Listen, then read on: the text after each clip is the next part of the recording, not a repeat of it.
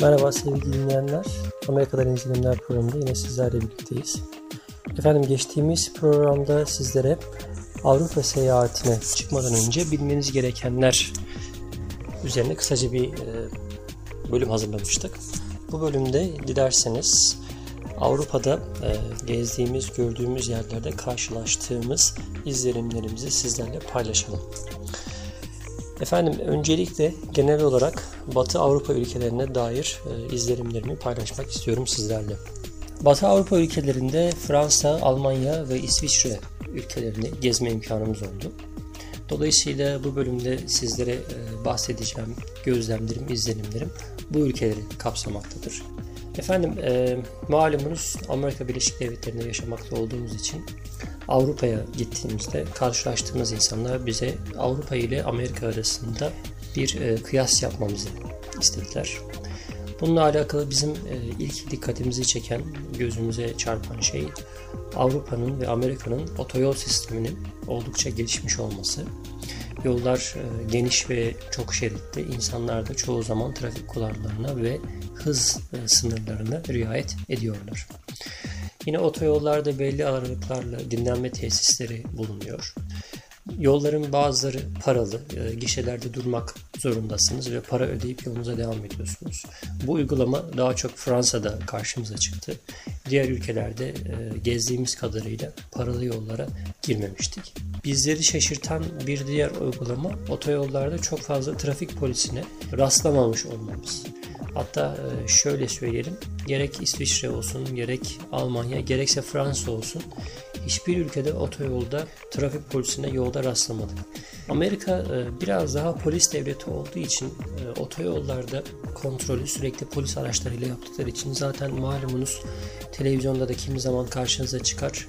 Bir polis arabası kaçan bir arabanın peşindedir Amerika'da. Son hızla peşinden gitmektedir. Araba yolun kenarına çarpar, çarpar takla atar falan. Bunlar hep alışık olduğumuz sahnelerdir. E, dolayısıyla Avrupa'da herhangi bir polis aracına dahi e, rastlamamış olmamız bizim e, bayağı dikkatimizi çekti. Bununla alakalı orada yaşayan insanlara sorduğumuzda neden böyle olduğunu araştırdığımızda karşımıza iki sebep çıktı. Bunlardan birincisi Avrupa'da sürücülerin genellikle kurallara riayet ettiği, İkincisi de trafik kontrollerinin polis araçlarıyla değil radar ve kamera sistemleriyle yapıldığıydı.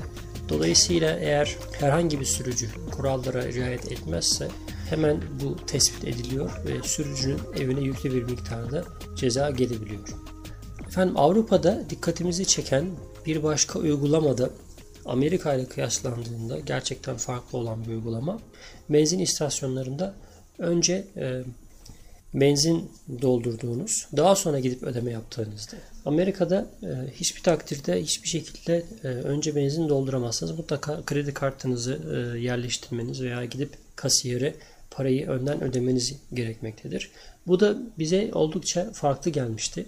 E, bunun bir nevi güven esasına dayalı olduğunu e, görmüş olduk gezdiğimiz yerlerde. Zannediyorum suç oranlarının da düşük olması Amerika'ya nispeten bunun bir nevi izahı olsa gerek. Amerika'da e, çok yaygın bir şekilde kahve tüketimi var malum. Amerika'daki e, yol üzerindeki bu dinlenme tesislerinde durduğunuz zaman illaki bir bir bardak kahve içmeden e, insanlar çıkmaz veya bir bardak kahve almadan yollarına devam etmezler. Amerika'da farklı olarak porsiyonların büyüklüğü söz konusu.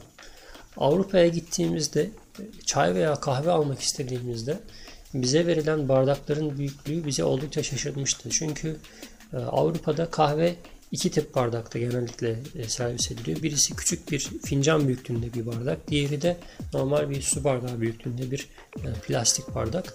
Amerika'daki en küçük kahve bardağı bu şekilde satılan yerlerde Avrupa'daki büyük boy bardağa eşit. Ve e, Amerika'da pişirilen kahveler çoğu zaman mikrodalga fırında veya çok yüksek sıcaklıkta pişiriliyor ve bir yudum altınızda diliniz yanabiliyor. Avrupa'da bunun çok aşırı sıcak olmadığını, biraz daha ılık olduğunu gördük. Avrupa'da dikkatimizi çeken bir diğer unsur e, yine otoyollarla alakalı. Araçların soldan sollama yaptığı, kesinlikle sağdan kimsenin araç sollamadığıydı.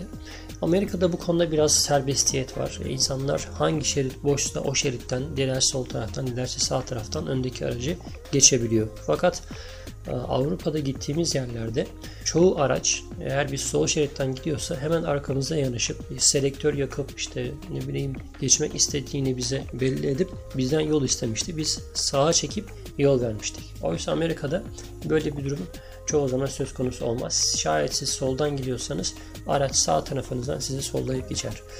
Aslında bunun araştırdığımız zaman bir kural olduğunu ve Avrupa'daki otoyollarda sağdan sollama yapmanın yasak olduğunu da öğrendik. Bir bakıma mantıklı da geldi. Neticede insanlar bu yüzden otoyolda ilerlerken yolun sağına çekmek için e, sağını solunu kontrol etmek durumunda kalabiliyor. Ama sürekli soldan sollanan bir ülkede bu e, işi biraz daha sistematize ediyor ve aslında çok mantıklı bir uygulama.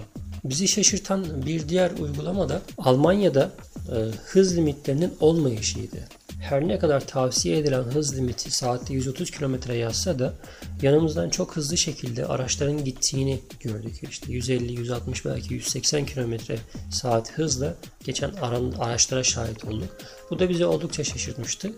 Bu kadar hızlı e, araç kullanılan bir ülkede kaza oranı da yüksek olur diye düşünürken olayın tam tersi olduğunu e, duyunca oldukça şaşırdık.